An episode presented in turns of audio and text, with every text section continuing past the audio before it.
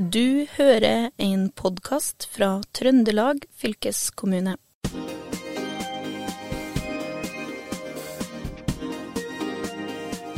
Sesongen for laksefiske er godt i gang. Eller er den egentlig det? For i det siste så har jeg hørt om elver som stenges for fiske av Miljødirektoratet. Jeg har hørt at villaksen er havna på lista over trua arter. Og jeg har også hørt at Nansens fredssenter er blitt kobla inn for å mekle fram forståelse og løsninger mellom fiskere og oppdrettsnæringa. Noen av mine beste barndomsminner det er fra Aura, der jeg var med bestefaren min på eh, laksefiske. Og jeg er nok over gjennomsnittet glad i å spise røyka laks, og best er det hvis det er villaks. Så dette er en tematikk jeg kjenner at jeg trenger å vite litt mer om, og derfor har jeg invitert med meg inn han eh, Gunnar Daniel Fordal fra Stjørdalsvassdraget elveeierlag, og Bjørn Borgerskei og Bendik Eithus Hallgunset fra Vannregionsmyndigheten i Trøndelag fylkeskommune. Så vi skal prøve å finne ut litt mer om hvordan det står til med laksen og lakseelvene våre i Trøndelag. Jeg heter Kjersti Bjørnevik og er programleder i denne episoden av Fylkespodden. Gunnar, du er jo styreleder for elveeierlaget i eh, Stjørdalselva. Hva er et elveeierlag egentlig? Hva er det dere skal forvalte? Nei, for 20 eh, år siden så fastsatte vi fiskeregler, og så var vi ferdig med det. Men uh, i dag er det vesentlig mer arbeid. Det er bl.a. prosesser i forhold til kraftverksdrift. Uh, det er utarbeidelse av tiltaksplaner, det er oppfølging av midtsesongevaluering, og det er en hel rekke oppgaver som ligger på oss. Ja. Men nå er dere godt i gang med laksefiske i Stjørdalselva. Jeg lurer på, bare fortsetter laksefiskelivet som før, selv om laksen har blitt eh, rødlista? Og jeg, jeg har nå hørt masse om de nyhetene og greier, at det ikke står så bra til? Altså, laksefiske er veldig forskjellig fra landsdel til landsdel, eh, og fra elv til elv. I Sjøselva er vi heldige, for der har vi en eh, god bestand, og vi har et skattbart overskudd som vi høster av hvert år. Og det er innenfor eh, krav om at vi skal kun høste på det beskattbare overskuddet. Eh, og hittil så har vi klart å holde oss innenfor det. Så det betyr at vi hver høst har nok fisk som står igjen på elva til å føre eh, arten videre. Og i motsetning til mange andre elver da, som, som har store utfordringer. Men har dere vært heldige, da, eller er det noe spesielt dere har gjort? som gjør at det går all right med elva? Nei, Vi har nå vært heldige. Vi har uh, hatt en ubrutt laksefisketradisjon siden midten på 1800-tallet. Da engelskmenn kom og innførte sportsfiske. Uh, vi har ikke vært utsatt for verken gyro eller andre påvirkninger. Uh, så, og så ligger vi langt inn i fjorden, så vi er forholdsvis moderat påvirka av oppdrettsindustrien. Så, eh, men vi har våre utfordringer med samferdsel og med landbruk og kraftverksdrift i elva. Så, men hittil så har vi klart å holde i stand mot all ytre påvirkning. Og, du Gunnar, nå, eh, jeg har jo snakka med deg litt uh, før vi begynte innspillinga her. Og jeg får jo inntrykk av at du personlig er veldig engasjert i å ta vare på elva og dette med økosystem og, og naturen. da. Jeg lurer bare på hvor kommer det her engasjementet ditt ifra? Nei, det kom eh, fra at jeg var liten og satt ned med elva og fiska småbrok, som vi kaller det. Det er lakseyngel. Det var ikke lov. Eh, men hvis vi sa at vi fiska ål, så var det Da var det plutselig akseptert. Eh, for ålen var sett på som en som var en predator på laksen. Så jeg tror ikke det problemet var veldig stort. Men i og med å sitte inne med elva og fiske småbruk og liksom se livet i elva eh, i ung alder, eh, det er nok det som skapte eh, hovedinteressen. Eh, og vi ser nå når vi får laksefiskere på tunet, så er det mye bedre å få en laksefisker som har opprinnelser til interessen fra den type påvirkning, i stedet for at de har lest eh, to nummer av Villmarksliv og kjøpt seg dyrt fiskeutstyr. De er vanskeligere å tilfredsstille. Ja, Er det forskjell på laksefiskerne også? De kommer i ulike stereotypier? Ja, det er stor forskjell på dem. og det er en gruppe mennesker som uh, ofte kan skape store konflikter seg imellom. Altså, en markfisker han er ikke anerkjent i et, fluefiskemiljø, og omvendt. Så, men uh, så lenge vi har nok laks til både markfiskere og fluefiskere, så har vi i hvert fall i vår elv klart å holde et rimelig godt forståelse for hverandre sine interesser. Ja, ikke sant? For, for uh, lokalsamfunnet da, som ligger rundt uh, Stjørdalselva, så blir jo dere plutselig hva jeg skal si, oversvømma av uh, markfiskere og fluefiskere og sånn. Hvordan påvirker det lokalsamfunnet? Nei, så når 1.6 kommer, så er det jo, endrer jo hele dalføret karakter. Da kommer tredje hver bil med stangholdere på og fiskestenger på. Og aktiviteten øker betraktelig. Omsetningene øker på bensinstasjonene og på nærbutikken og sportsbutikkene, ikke minst. Så det er en voldsomt vitamininnsprøytning til dalføret, som bidrar til bolyst og til et økonomisk utkomme som kan være bra i disse tider, når landbruket er såpass hardt pressa som det er. Vi har jo med oss to eh, gjester til fra, som jobber, som, eh, jobber i vannregionmyndigheten i fylkeskommunen. Eh, og Bendik, jeg vet jo at du holder jo på med laksefiske. Så hvilken, eh, hvilken stereotyp er du? Er du, en, er, du, er du, mark, eller er det flue? Jeg er litt allrounder, jeg tror jeg. Opportunist. Skjer Prøver alt, egentlig. Som er lov, da. Riktignok. Men jeg, nei, sånn på den tida her så blir det nok ofte marsk og wobbler liker jeg godt, da. Eh, mens litt senere på sommeren så kommer fluggestanga mer fram, da. Så, men jeg, jeg skjærer ikke så nøye. Jeg tenker at uh, for fisken sin del så er det ikke så nøye hva han biter på. For fiskeren sin del så er det nok, som Gunnar sier, litt delte meninger om akkurat det, da. Men det viktigste er å ha det fint nede med elva komme seg ut og, og, se at det plasker litt. Og har du noe riktig flaks, så biter den på ennå. Og du, eh, du, har ikke noe eh, kvaler med å fiske etter laks nå, selv om den har blitt rødlista? Nei, det har ikke fordi at uh, det, det, med rødlisting det handler jo om at du ser en utvikling over lang tid. Der uh, bestanden går ned, det er en negativ utvikling, og den nærmer seg en kommer inn i en situasjon der en må ha ekstra oppmerksomhet i forvaltninga. Men uh, som det ble sagt her, så er jo det kjører stor forskjell på vassdragene. rundt Trondheimsfjorden, de fleste vassdragene her er i bra tilstand. Eh, når det gjelder laksen, men det har òg vært en tydelig og ganske markant bestandsnedgang siden eh, ja, si midten på 90-tallet spesielt. Eh, men fortsatt så er de forvalta godt lokalt og regionalt, nasjonalt, sånn at det går an å høste av fisken. Og når det er satt kvoter, så må man jo som sportsfisker så forholde oss jo til det. Kvotene settes på et sånt nivå at, eh, at bestanden tåler å, høstes da, innenfor den kvoten.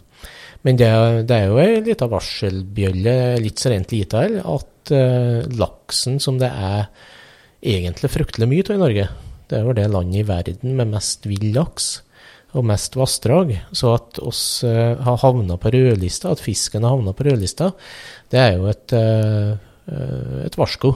Sjøl om ikke hvis en ser kun på Stjørdalselva, så er en kanskje ikke direkte på rødlista, men det er jo eh, sånn at utviklinga der òg har gått eh, feil vei, da, kan du si, over tid.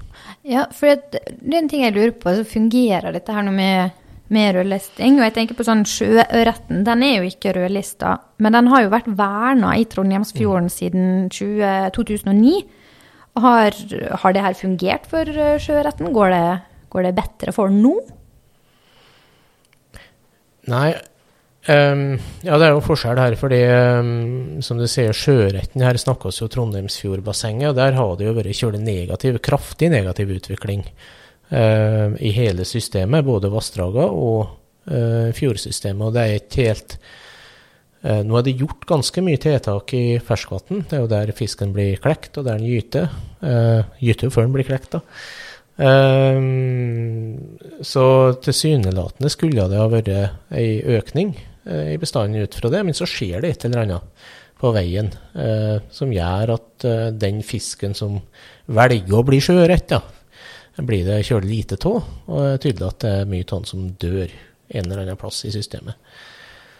Um, så det vernet skulle, ville han jo egentlig ha forventa at skulle gitt en ganske rask effekt på bestanden når ikke det blir fiska en eneste fisk, men det hadde ikke gjort. Så der ligger det noen forklaringer i bakgrunnen som vi ikke uh, helt har skjønt. Jeg tror mye av det ligger, uh, handler om fjord og kanskje brakkvannssystem. da. Men jeg tenker sånn, dette her med vann. For det er noe, jeg syns det er vann overalt her i, i Norge og i Trøndelag. Så det, altså, hvordan står det egentlig til med vannet vårt? Det, jeg syns jo at det ser ut som vi har så mye, og det er så rent og sånn. Er det, stemmer ikke det? Eh, jo, det er mye som er bra. Um, oss bruker å si ut fra det som vi vet, så er ca. to tredjedeler eh, bra nok etter det grunnlaget som vi arbeider med. Det handler jo om vassmiljø, altså det, det som lever i vann, og det som eh, finnes der av kjemi, da, forurensning, for å gjøre det enkelt. Eh, men det betyr jo at det er en tredjedel som det ikke står bra nok til med. Eh, og det er ganske mye. Og typisk så er det vann som ligger eh, nede der og bor, altså i dalførene og langs kyst.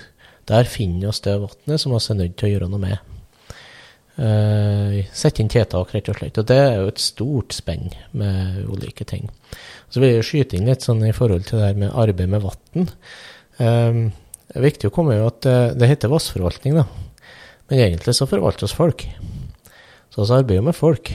Eh, Sjøl om vi er ute i bekken, som Bjørn sier, så er det jo det å treffe dem som eh, har ansvar for å Eller det som har gjort noe, eller som har tenkt å gjøre noe med bekken. Som, det er der du kan gjøre endringer, eh, egentlig. Og det gjør at det er kjølig spennende. Eh, og da ser du resultat. Jeg har tatt en prat med han Jon Olav Sliper fra Trøndelag i Tall for å finne ut hva statistikk har vi på villaksen i Trøndelag. Så Jon Olav, hva vet vi om villaks i Trøndelag? Ja, Vi har ganske god statistikk på elvefiske, og hvor mye som blir tatt i de ulike trønderske elvene. Vi har jo flere lakseelver som er helt på topp i Norge. Gaula har jo, er jo ofte sammen med Tanaelva en av de som er høyeste opp på laksestatistikken. I 2021 så var det vel noen av de finnmarkske elvene som var litt mer opp, da, for det var en veldig stor eh, inntak av purtalaks. Men hvis vi bare ser på vanlig laks, så er det vel de trønderske elvene med både Gaulavassdraget, Orkla og Namsenvassdraget er jo helt på topp i Norge i forhold til hvor mye laks som uh, tas der. Vi vet jo at totalt så tas det jo rundt uh, ja, 85 tonn med laks som blir tatt i de trønderske elvene. Det høres jo kanskje ikke så mye ut av at du sammenligner med liksom, oppdrettsnæringa, som uh, ofte har 300 000 tonn i løpet av et år. For, der, for dem er det jo bare noen lastebiler. Men det er jo da det er jo ikke bare til ma matføde, det her. og til, Det er jo mye med opplevelser og en del sånne i elvene, så det handler om det. Men det er jo, det er jo rimelige mengder. Vi vet at det har gått noe ned noen, de siste åra, litt. da. Det, det svinger ganske mye her fra år til år, egentlig, det som blir tatt i elven. Men vi hadde jo topp over bl.a. i, ja, i ja, i 2000 egentlig, da var det jo en, på en 186 eh, tonn som ble egentlig tatt. Og så, er det jo, så, så det, svinger, det svinger jo litt der, da. Vi vet jo at de største lakseelvene er jo da Gaula, hvor det ble tatt en 24, eh, 24 tonn ja, i 2021. Og så har vi Orkla, hvor det ble tatt en 23 eh, tonn. Namsen tok de en 18,7 tonn, og i Stjørdalsvassdraget ble det tatt en 10 eh, tonn. Eh, ellers så vet vi at eh, de trønderske lakseelvene har eh, i forhold til fangsten av elvefiske så er det ganske stor andel som blir sluppet ut igjen. 43% som laks som blir tatt, blir sluppet ut i Trøndelag, mot bare en, ja, 32% i landet totalt sett. Og da er jo spesielt eh, Gaula, Orkla og, Nam og Stjørdal, Stjørdalsvassdraget, som har over halvparten som da blir sluppet ut igjen. Og da er jo spesielt noen av de litt større fisken som blir tatt da. Vi har litt om størrelse òg. Vi vet jo at det å få seg en ordentlig rugg, da, da er det jo litt sånn over 20 kg og litt sånne ting. Det er jo rundt eh, ja, Nesten 17% av de fiskene som blir tatt i Trøndelag, er jo da på over 20 kg. 40% på rundt mellom 3 til 7 kg, og så er det den siste 42% da, som er da på under 3 kg. Og Det er jo noen av de, de, noen av de store elvene igjen, som er de som ofte har, eh, som tar mye av de storfiskene på. da. Og Så finnes det sikkert noen mindre vassdrag rundt omkring da, som, hvor du har en mye høyere andel av de storfiskene av og til, og de lokale sjøla. valgene som enkelte lokale vet av, du kan få god, god stor uten at det er hemmeligheter man skal røpe på radio. Vet vi noe om tyvfiske? Det blir vel ikke så godt eh, dokumentert, da. Du får vel ikke inn i statistikken på det. Det er ofte om det om så store mørketall, det. Men jeg har vel inntrykk av at eh, de fleste laksefiskere er gode til å registrere, og at det er god kultur på det. Så trygge tall her, altså, fra Jon Olav Slipper i Trøndelag i tall. Når det gjelder Stjørdalselva, da, Gunnar, hva, hva, har dere i elveeierlaget gjort for å ta vare, på, ta vare på elva og sikre at den er i god, god, stand? Nei, vi må jo prøve å for det første opprettholde arealet på elva. Da. Den er jo veldig forbygd, eh, så det betyr jo at det er egentlig mye smalere enn det jeg skulle ha vært. Eh, og det er jo av hensyn til jernbane og vei og landbruk. Eh, så er jeg jo Hun har ikke lenger lever ikke det livet jeg gjorde for 200 år siden. Så hun er, hun er regulert sterkt med kraftutbygging, og hun er demma opp med, med forbygninger i sidene, eh, som gjør at hun mister areal fra år til år. Så Derfor så prøver vi å, å knytte nye sideløp til hovedelva og øke arealet. Og Det har vi gjort med stor suksess nå i flere områder. Og Det viser seg at det både blir tatt i bruk til gyting og ikke minst oppvekst. Så eh, det er jo en måte vi kan eh, være med og bidra til at vi legger forholdene bedre til rette. Da. Så eh, det er jo en kontinuerlig prosess. Og blir det, blir det til at du samarbeider noe med han Bjørn og Bendik, da, eller? Ja, jeg må jo innrømme det at det sto ganske i leien når vi holdt på å starte dette arbeidet med å få andre etater til å ta miljøansvar. Da. Så eh, når vanndirektivet kom inn og ga oss en eh, slags uh, mulighet til å slå i bordet med et lovverk, så har de prosessene vært mye enklere. Og jeg har jo hatt stor glede av å få støtte fra spesielt Bendik i starten, da, når vi begynte å jobbe med bekker og sideløp. Og etter hvert var jo uh, Bjørn Borge eh, ansvarlig lokal uh, vannområdekoordinator i mange år, så vi har jo sparka mye rundt i små bekker og vært fascinert begge to over det livet som er. og Fascinasjon òg for å være med og bidra til at vi kan fortsatt ha et, et godt og aktivt liv i bekkene våre, og et intakt økosystem. Eh, fordi det er en ting jeg vet at dere har jobba med, og det er jo dette her som heter kulvert, som jeg vil kalle rør. For det er altså sånn rør da, som går under eh, veier eller sånn. Hvis man bygger en vei over elva, så setter man inn et rør sånn at vannet fortsatt går, eh, kan gå igjennom. Og der er det altså mye mer vanlig enn det jeg noen gang hadde kunnet trodd. Eh, vanlig, det er vanlig å sette inn for, for, små rør, sånn at røra blir så trange at fisken ikke kommer seg gjennom. Det høres, altså det høres jo helt, uh, helt sprøtt ut, men det her er jo noe dere har fått ordna opp i, i elva deres, da? Ja, eh, det har vi. Og når du sier at eh, rørene er for små, så er de jo ikke. Så når Vegvesenet da skal legge rør gjennom veien, så er det slukeevne de snakker om. Og Slukeevne er ikke det samme som at det kan ferdes fisk. Og Det er jo der vanndirektivet kommer inn. Altså, da stilles det krav om at det skal være ferdsel, fri ferdsel for fisk, eh, så at den kan vandre ut og inn av hovedelva. Og, og det er noe annet, eller slukeevne.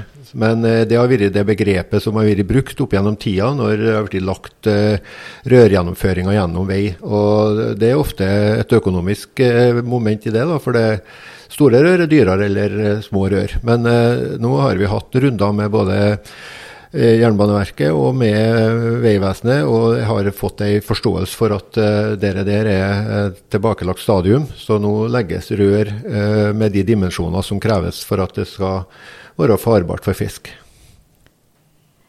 Men uh, hvordan er det? Gjelder det bare Stjørdalselva, eller blir det, blir det skal jeg skal si, ikke trange rør? overalt. Nei, det, det, er utvikling i hele det arbeidet her, helt klart. Eh, samtidig, litt attende til det med å arbeide med folk, så er det jo kjølig viktig å ha sånne ildsjeler lokalt, som den Gunnar eh, representerer, både for å avdekke hvor eh, de her problemene finnes. Vi kan anta at de finnes kjølig mange plasser, det vet oss, men eh, det at vi får identifisert dem, og så er det noe med å skape den koblinga mellom arbeidet vårt og f.eks. vi kan jo arbeide internt òg, fylkesveinettet har eh, sine svin på skogen, det er ikke å legge skjul på det, men der er det utviklende motivasjon for å få gjort noe med det.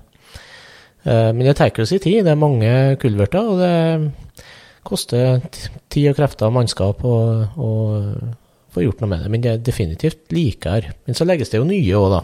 Det må du skyte inn. Det er ikke alltid de er like bra som de skulle vært.